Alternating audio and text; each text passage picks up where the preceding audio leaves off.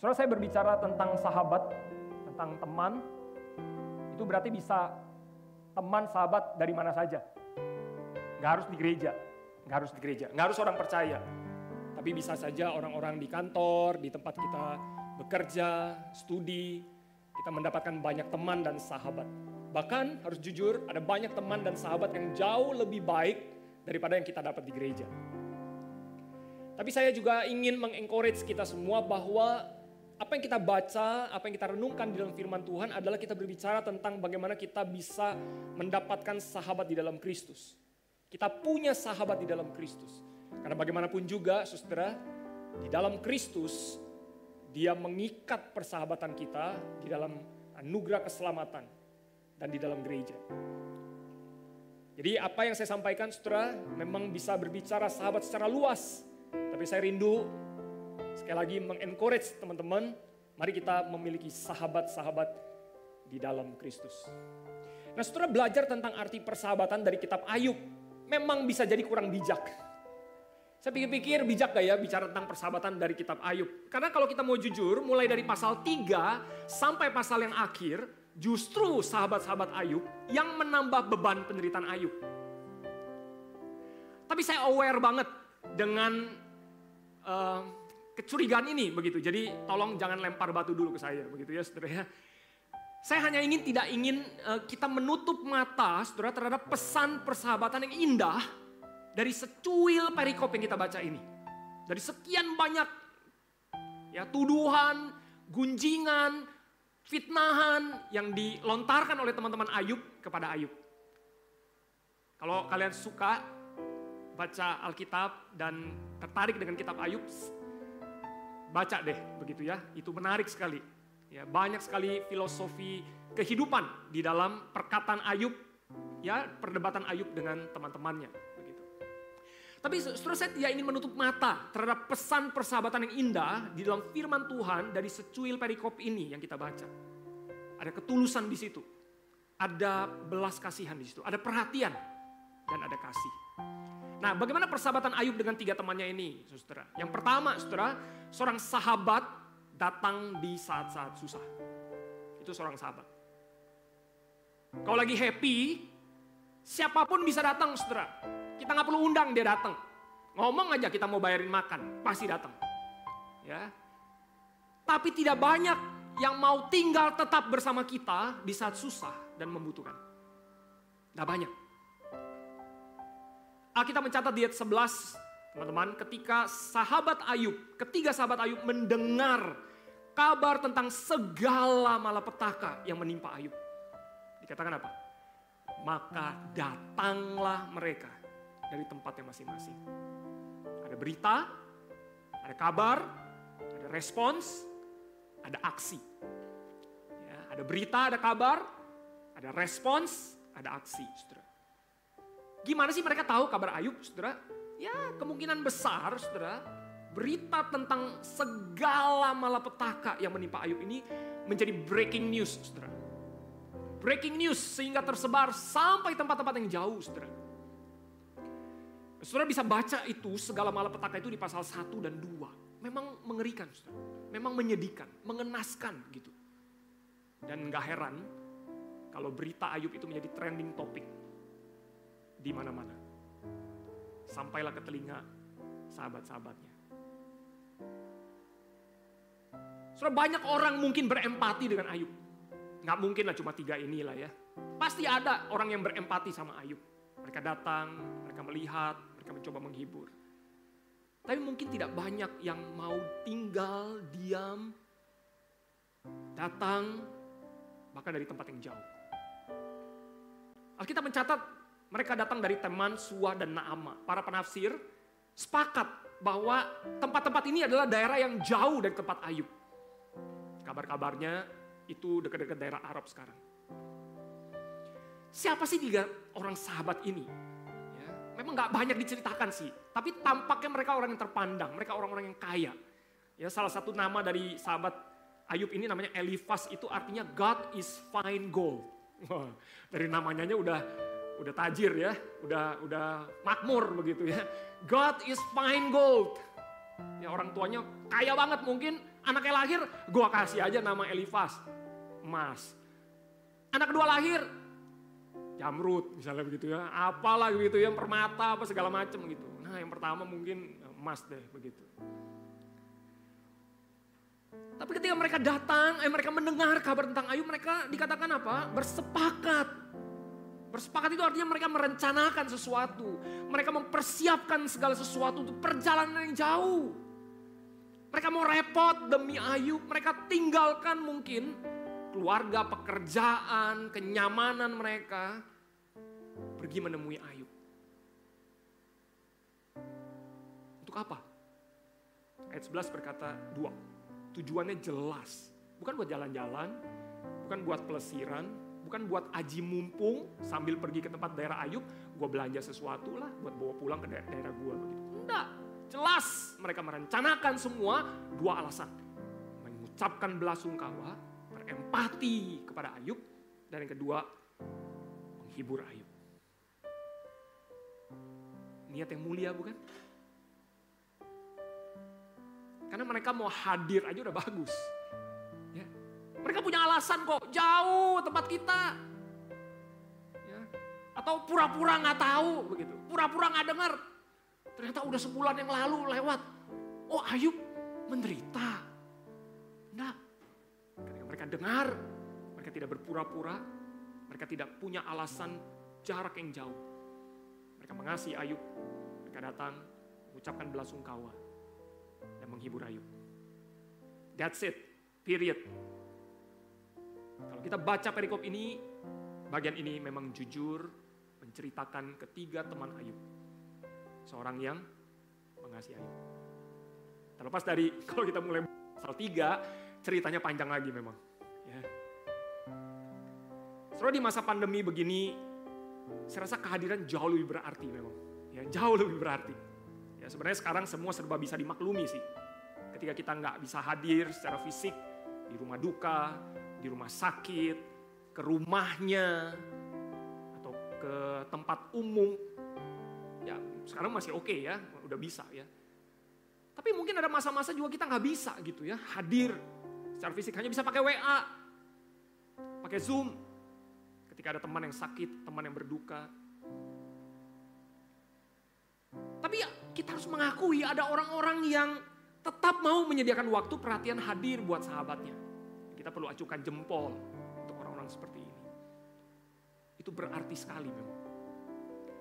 Saudara salah satu sahabat saya waktu masa PPKM yang lalu yang angka penularan itu tinggi-tingginya begitu ya, yang rumah sakit penuh, eh, apa namanya kremasi penuh, semua penuh begitu, papanya dipanggil Tuhan.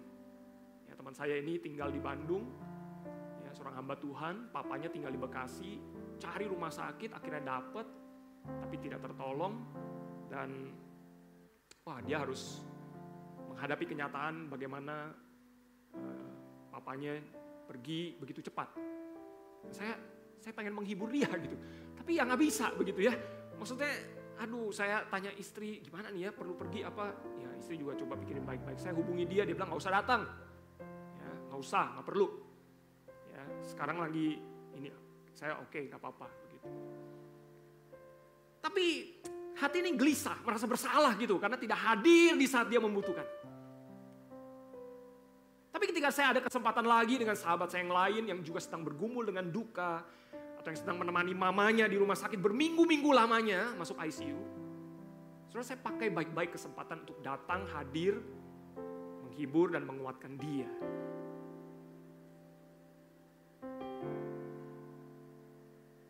Saudara saya mengartikan datang di sini saudara adalah sebuah keaktifan sih sebenarnya di dalam bersahabat. Artinya kita memang betul-betul peduli dan kita mau menunjukkan kasih kita kepada sahabat-sahabat kita. Bukan cuma retorika ngomong doang begitu. Tidak seharusnya kita hanya terus-menerus minta diperhatikan, tetapi kita juga mau menjadi sahabat bagi orang lain. Kita mau menyatakan gitu perhatian dan kasih kita begitu ya. Apakah itu ketika kita bisa hadir secara fisik, berjumpa, atau kita bisa hanya menanyakan lewat media sosial, atau ketika kita lihat-lihat status, WA, Instagram. Ternyata kita menemukan ada satu postingan tertentu dari teman kita yang tentu saja dia sedang menceritakan kabar dia, saudara. Dan biasanya orang-orang yang memposting sesuatu dia berharap orang notice begitu ya dan dan memberikan respon. Jangan kita lewati, saudara. Seringkali kita melewati, ya. Ayo kita aktif peduli dan bahkan hadir bila memungkinkan. Apalagi di masa-masa mereka mungkin sedang membutuhkan pertolongan. Yang pertama, saudara. Teman-teman Ayub mengajarkan kita. Seorang sahabat datang di masa-masa susah. Aktif. Kedua, Seorang sahabat turut merasakan pergumulan itu. Ayat 12 dikatakan apa? Ketika mereka memandang dari jauh, mereka tidak mengenali Ayub lagi. Bukan berarti di, mereka tidak kenal, tetapi mereka melihat Ayub begitu berbeda dengan yang sebelumnya mereka ketemui. Dengan pakaian yang necis, dengan yang keren, gaya rambut terkini. Wah pokoknya keren begitu kan. Seorang yang kaya di daerah itu. Punya segalanya. Setelah ketika mereka datang melihat Ayub. Very different. Berbeda 180 derajat, saudara. Mereka menangis dengan suara nyaring, mereka mengoyak jubah dan menaburkan debu di kepala terhadap langit. Saudara sahabat-sahabat Ayub ketika melihat Ayub dari jauh mereka menangis. Mereka tidak lagi bisa mungkin mengenali bagaimana Ayub yang dulu. Bagaimana tempat-tempat yang begitu indah, tempat kongko bareng mereka. Tapi sekarang sudah berubah menjadi hamparan kuburan, sepi, tidak ada penghuninya. Semua meninggalkan Ayub karena mereka jijik melihat Ayub. Nggak mau deket-deket, takut tertular. Mereka melihat Ayub sangat kurus sekali. Rambutnya sudah nggak ada, saudara tubuhnya penuh dengan borok. Dan dari kejauhan sudah tercium bau yang menyengat. Tapi sahabat Ayub tidak jijik melihat Ayub. Mereka tidak berpaling dari Ayub. Sebaliknya mereka mendekat. Dan itu sangat berkesan di hati Ayub. Surah Alkitab mencatat mereka menangis dengan suara nyaring dalam bahasa Ibrani itu satu tangisan yang tulus. Bukan gimmick. Tidak pura-pura. Dan Ayub tahu sahabat-sahabatku hadir. Karena aku mendengar mereka menangis. Mereka hadir. Ah, makasih Tuhan. Ada teman-temanku yang masih peduli pada aku. Saudara mereka mengoyakkan pakaian, mereka menabur debu di kepala mereka menunjukkan mereka satu hati, satu jiwa dengan pergumulan Ayub. Memang sih, saudara mau bagaimanapun juga, kita tidak bisa sebenarnya merasakan 180 derajat perasaan orang yang sedang menderita ya, nggak bisa.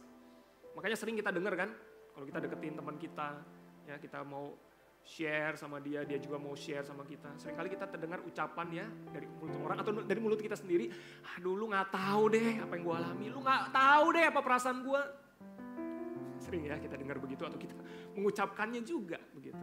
Memang betul sih teman, kita nggak bisa memahami 100% perasaan orang yang sedang menderita. Demikian juga dengan orang lain terhadap perasaan kita.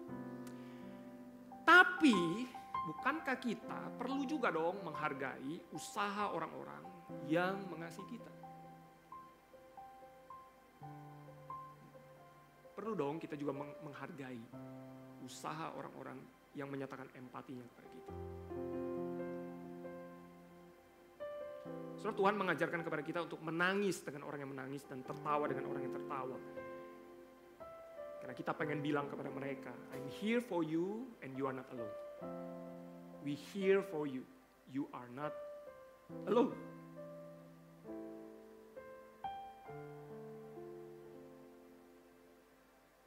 Saudara, merasakan pergumulan orang juga tidak harus jadi kepo. Ya. Pengen kita menyelesaikan masalah dia. Tidak harus. Don't try to be a hero or a savior. Kita bukan Tuhan, saudara. Mari kita lakukan yang terbaik. Lakukan yang terbaik yang kita mampu dengan tulus dan penuh kasih. Saudara mungkin bertanya, bagaimana kalau saya udah aktif, sudah melakukan yang terbaik, tapi tidak ada respon? Atau bahkan saya mendapatkan respon yang negatif dari dari dia begitu. Yang nggak apa-apa, saudara. Gak apa-apa. Gak perlu sakit hati, saudara. Kan sahabat, saudara. Teman. Mungkin dia perlu waktu. Biarkan dia bergumul bersama dengan Tuhan. Dia perlu ruang bersama dengan Tuhan. Ya, kamu doakan aja, minta hikmat. Kapan waktu yang tepat untuk kembali menyatakan perhatianmu. Percaya deh, mereka lihat kok niat baikmu. Mereka lihat kok semua perbuatanmu. Lalu bagaimana kalau mereka merespon? Beri waktu yang cukup. Jangan sampai ketika mereka membutuhkan, kita yang kitanya yang nggak siap. Jadi makanya jangan cuma basa-basi kalau mau nanya. Pastikan waktu kamu tanya, kamu siap mendengar. Kalau enggak doa dulu sama Tuhan. Tuhan, kapan waktu yang tepat? Pastikan kamu cukup waktu mendengarkan mereka. Teman-teman Ayub, ketika pergi meninggalkan negerinya yang jauh itu, mereka siap bertemu dengan Ayub. Yang terakhir, teman-teman Ayub mendampingi dengan setia. Ayat 13. Dikatakan mereka menemani duduk tujuh hari, tujuh malam. Kayak gak ada kerjaan. Tapi ini memang budaya duka zaman dulu, tujuh hari, tujuh malam. Periode duka. Duduk bersama Ayub, mendampingi Ayub. Tidak ada satu kata pun yang mereka ucapkan. Tidak banyak bicara. Hanya banyak menemani dan mendengar. Seorang bernama Joe Bailey, seorang penulis Amerika. Suatu hari beserta istrinya kehilangan tiga anak mereka karena sakit. Lalu dia menulis demikian, saudara. Suatu waktu saya duduk, saya tercabik-cabik oleh kesedihan. Lalu seseorang datang dan mengatakan kepada saya tentang hal-hal yang berhubungan dengan Allah. Tentang mengapa hal ini terjadi, pengharapan yang melampaui kubur. Dia terus menerus berbicara. Dia mengatakan hal-hal yang saya tahu benar. Tapi saat itu saya tidak tergerak. Kecuali berharap supaya dia cepat-cepat pergi. Akhirnya dia pun pergi, puji Tuhan.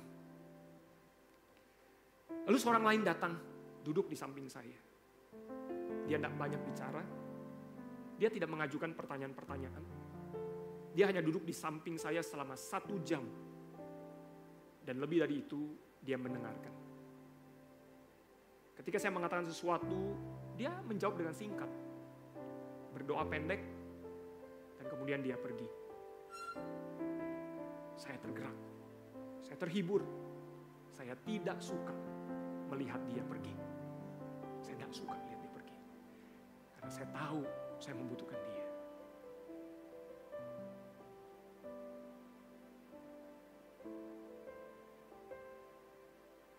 Saudara, karena memang kita nggak bijak. Ya, di sini kita perlu belajar. Kita perlu belajar memaklumi sahabat-sahabat kita yang berusaha memberi yang terbaik buat kita. Berempati kepada kita. Kita belajar bersama-sama bagaimana menjadi sahabat yang baik di dalam Kristus. Saudara kita punya Tuhan Yesus yang telah memberikan teladan buat kita. Teman-teman Ayub, mereka datang dari tempat yang jauh. Tuhan juga dari tempat yang jauh, saudara. Dia datang dari tempat yang sangat jauh, saudara. Yang berbeda sekali dengan dunia, yaitu dari mana? Surga, saudara. Wah itu jomplang banget dah. Itu nggak bisa dihitung pakai kilometer, saudara. Surga dan bumi. Tapi dia mau datang buat saudara dan saya. Lalu dia bukan hanya datang, saudara, tetapi dia betul-betul mau merasakan pergumulan. Dia menjadi manusia, saudara. Bentar lagi kita mau Natal nih. Dia mau datang menjadi manusia, saudara. Dia pergi ke tempat yang terluka, yaitu dunia ini yang penuh dengan kegelapan. Dan hati manusia yang berdosa, saudara. Dia menjadi manusia, saudara turut merasakan pergumulan saudara dan saya. Kesepian kita, kekosongan kita karena terasing daripada Bapa. Bahkan dia mau merasakan apa itu kematian supaya saudara dan saya bisa kembali bersekutu dengan Bapa di surga. Dan dia bangkit, saudara. Dia berjanji. Suatu hari dia akan datang kembali. Tapi dia tahu bahwa dia tidak akan pernah meninggalkan. Dia mengutus rohnya yang kudus ke tengah-tengah kita. Menyertai kita. Bersama-sama dengan kita. Mendengar kita. Berseru-seru kepadanya. Di dalam doa-doa kita. Dengan ratapan kita, dengan rintihan kita. Mendengar kita. Sepanjang umur hidup kita. What a friend we have in Jesus. Surat milikilah sahabat Kristus. Tapi kalau, ini kalau ya. Kalau engkau terpaksa harus berjalan sendirian di dunia. Tidak ada sahabat. Maka berjalanlah bersama Tuhan Yesus. Seorang berkata, elang yang besar itu terbang tinggi, terbang sendiri. Singa yang besar itu berburu sendiri. Jiwa yang besar itu berjalan sendiri bersama dengan Tuhan. Kesepian jenis ini sulit memang untuk dijalani. Dan mustahil mendatangkan sukacita kalau Tuhan tidak menemaninya. Surat para nabi adalah manusia yang sendirian. Mereka berjalan sendiri, mereka berdoa sendiri. Dan memang Tuhan membuat mereka seorang diri. Tapi itu panggilan khusus. Berjalan di tengah-tengah dunia ini sendiri. Berhadapan dengan umat yang berdosa. Tapi saya rasa kita semua tidak ada yang berjalan sendiri, saudara. Tuhan memberikan komunitas sing yang begitu luar biasa untuk kita bertumbuh bersama-sama. Manfaatkan dong. Ya, percayalah engkau tidak bisa bertumbuh seorang diri. Sulit, bisa, lambat sekali. Tapi dengan teman-teman, seperjuangan, seperjalanan, kita bisa bertumbuh bersama-sama. So, saya tidak tahu apa yang membuat engkau tidak punya sahabat. Apa karena kamu menutup diri? Apa karena kamu menyebalkan? Orang takut jadi sahabat kamu? Atau kamu berjalan sendiri karena kebenaran yang kamu pegang di dalam Kristus membuat kamu harus berjalan sendiri. Saya tidak tahu, saudara. Kalau saudara punya sahabat, bersyukur sama Tuhan. Satu sahabat, saudara cukup untuk menghibur kamu. Tapi bayangkan, kalau ada sahabat kamu sekampung, waduh, luar biasa anugerah itu. Itu kata Dietrich Bonhoeffer. Dietrich Bonhoeffer berkata, kalau kamu punya satu teman satu teman. Ya, dia di dalam konteks camp konsentrasi Jerman, Nazi. Dia lihat kalau ada satu teman saja ya yang hadir di situ bersama dengan dia, wah itu satu sukacita. Kenapa? Karena kami bisa saling menguatkan. Karena dia berkata bahwa firman Tuhan di mulut sendiri itu tidak begitu kuat ketika dalam penderitaan. Tapi Tuhan bisa meminjam mulut-mulut orang lain di sekitar kita, sahabat-sahabat kita untuk berkata-kata yang menguatkan kita. Jadi dia bilang kalau ada satu aja teman, sahabat yang bersama kamu, puji Tuhan. Dia bilang, syukur. Karena enggak punya, enggak semua orang punya privilege seperti itu. Apalagi kalau sekampung, segambreng, sahabat kamu. Wah, itu anugerah. Udah nggak usah gontok-gontokan deh. Nggak usah ribut. Capek kan? Mari kita bangun persahabatan yang baik, yang sehat di dalam Kristus. Rawat persahabatan kita, karena itu tak ternilai harganya. Apalagi engkau merawat persahabatanmu dengan Kristus. Tak ternilai harganya. Mari kita tundukkan kepala kita berdoa. Bapak di surga, syukur punya sahabat seperti engkau. Tidak pernah meninggalkan kami, tidak pernah mengecewakan kami. Bahkan kami yang selalu mengecewakanmu Tuhan. Ini sudah belajar dari tiga teman Ayub. Mereka datang menemani Ayub, menghibur Ayub, berempati dengan Ayub. Biarlah Tuhan, apa yang bisa kami pelajari hari ini, kami boleh lakukan, terapkan di dalam komunitas kami. Kami lebih suka bersahabat daripada mencari musuh. Kami lebih suka berteman, berkomunitas daripada seorang diri. Tolong kami Tuhan, supaya kami bisa setidaknya menjadi sahabat bagi orang lain. Kalau ada di antara kami yang mungkin sulit mendapatkan persahabatan, mungkin ada hal-hal yang perlu kami pikirkan ulang tentang hidup kami sehingga mungkin banyak orang takut mendekati kami. Tolong kami juga supaya kami bisa menjadi sahabat yang baik bagi orang-orang di sekitar kami. Makasih Tuhan.